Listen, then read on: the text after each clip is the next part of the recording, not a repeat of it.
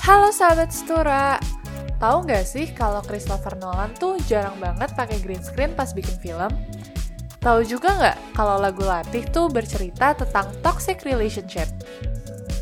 Nah, penasaran kan sama cerita-cerita yang ada di balik karya-karya yang udah dibuat? Dengerin terus bahas seni cuman di Suara Hati Manusia.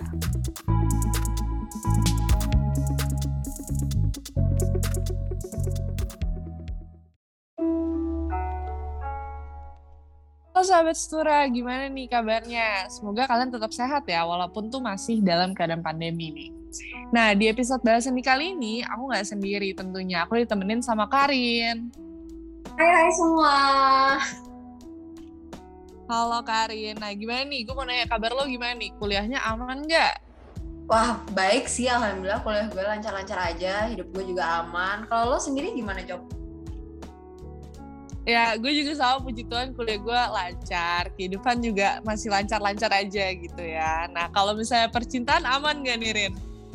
Uh, Alhamdulillahnya masih aman ya. Soalnya kalau aku jawab gak aman abis ini rilis ada nelfon gue nih. Oh agak bahaya gitu ya.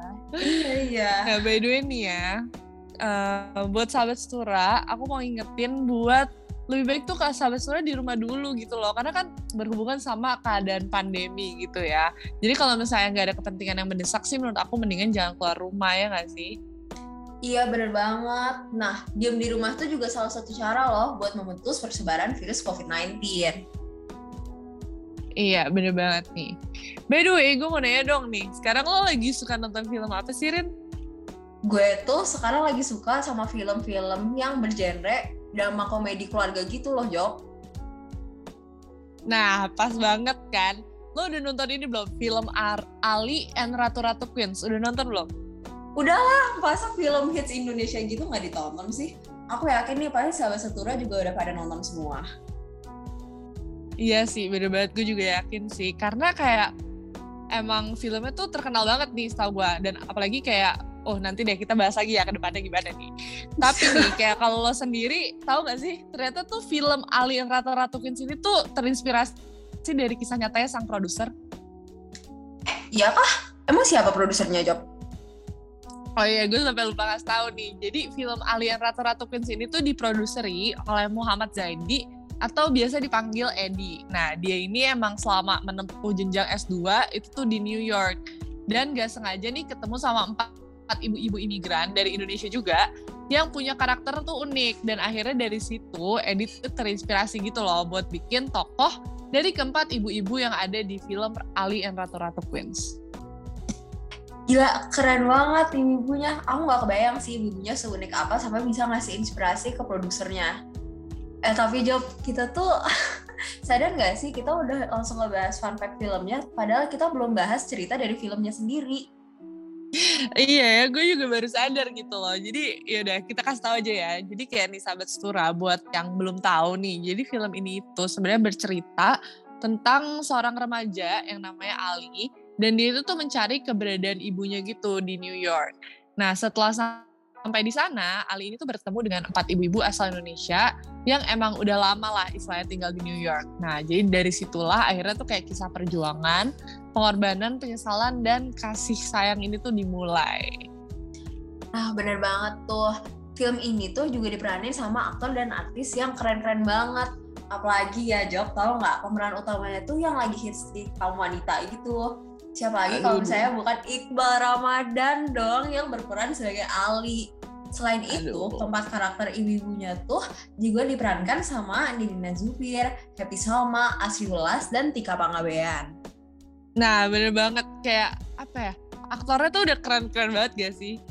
Tapi nih ada yang lebih keren lagi nih daripada aktornya. Lo tau nggak kalau misalnya sebelum mereka syuting nih, aktor dan aktrisnya itu menghabiskan dua minggu pertama untuk menjelajahi kota tersebut. Jadi kayak dia tuh dua minggu di Queens dulu buat kayak lihat-lihat gitu loh kayak biar mereka tuh ngerasa feel ya kayak vibesnya gitu loh jadi seorang imigran kalau udah lama tinggal di New York tuh gimana Eh tapi lumayan banget tuh dua minggu sekalian jalan-jalan. Iya yes. Sih ya, sekalian refreshing gitu kali ya. Dan menariknya nih, proses reading dari film Ali and Ratu Ratu Queens ini tuh dilakukan secara virtual gitu loh. Walaupun padahal tuh pas itu keadaannya belum pandemi gitu loh, tapi udah udah udah ngelakuinnya virtual. Loh, kenapa Jok? Kan belum ada pandemi kenapa virtual? Nah, jadi tuh gini ceritanya, Rian. Gue kasih tau ya. Pas 2019 itu, Iqbal itu tuh masih kuliah di Aussie. Jadinya dia berhalangan hadir untuk datang ke readingnya itu. Eh, keren banget sih si Iqbal bisa memanage antara waktu belajar sama bekerja. Agak kayak 11-12 sama kita gitu gak sih? Bedanya kita nggak dibayar aja gitu iya sih bener ya kita kalau nggak nugas ya kita bikin podcast gitu kalau nggak bikin podcast ya nugas gitu aja terus muter-muter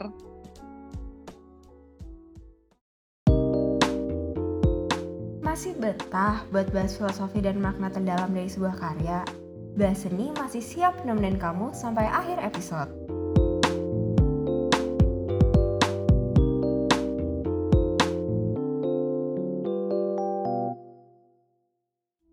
It's kita kan udah bahas fun fact nih ya dari tadi gitu kita udah bahas fun fact. Nah kalau menurut lo nih Rian, ada gak sih kayak pembelajaran yang bisa kita ambil dari film ini? Siapa tahu gitu kan sahabat Sura tuh penasaran. Wah pasti banyak banget dong. Nah buat sahabat Setura film ini tuh punya banyak banget pelajaran yang bisa diambil mulai dari perjuangan Ali dan tokoh-tokoh lain di film ini yang berani buat bermimpi dan mulai untuk bertindak. Nah, bener banget gue setuju. Dan mulai dari perjuangan Ali aja untuk mencari sosok ibunya, dan empat tokoh ibu-ibu yang berjuang membangun sebuah restoran di New York. Itu tuh menurut gue udah kelihatan gitu loh. Ya, gue juga salut banget sih ngeliat perjuangan mereka. Nah, dari film ini kita tuh bisa mencontoh tokoh-tokoh buat jangan ragu untuk melakukan hal yang kita mau. Walaupun sulit, gak ada salahnya untuk kita mencoba karena gak ada yang mustahil di dunia ini tapi, tapi, tapi, tapi, kita tuh juga harus realistis dan paham bahwa kehidupan ini itu dinamis. Gak semua dari apa yang kita sudah rencanakan dan kita impikan tuh bakal berjalan sesuai dengan kemauan kita. Nah, exactly tuh. Kayak gue pribadi juga jadi punya sudut pandang baru gitu loh, kayak mengenai keluarga. Kayak ternyata keluarga itu tuh punya makna yang luas gitu loh bukan sebatas cuman papa mama dan juga anak gitu. Jadi bukan ayah ibu dan anak doang. Kayak makna keluarga yang sesungguhnya itu tuh adalah tempat di mana kita tuh ngerasa pulang gitu loh. Ngerasa kayak kita tuh dapat support dan juga diterima apa adanya. Wah, iya gak sih? Agak kayak keluarga Sutra ini kan? Nah, semoga Sutra bisa jadi tempat ternyaman buat teman-teman ngekspresin perasaan kalian ya. Amin. Dan terakhir nih ya buat sahabat Setura, salah satu pesan yang ngena banget nih di film ini, itu menurut gue tuh setiap keputusan miliki kekurangan dan kelebihannya tersendiri gitu. Jadi kayak gak mungkin ada yang benar-benar sempurna banget di dunia ini gitu. Jadi kayak jangan sampai kita menyesal aja sih dengan keputusan yang udah kita buat gitu. Nah, sahabat setura, itu dia segmen bahas seni mengenai film Ali dan Ratu Ratu Queens. Dimulai dari fun fact sampai pesan-pesan yang terkandung dalam film tersebut. Ingat ya, sahabat setura, untuk stop untuk ragu sama mimpi kalian dan mulai dulu aja.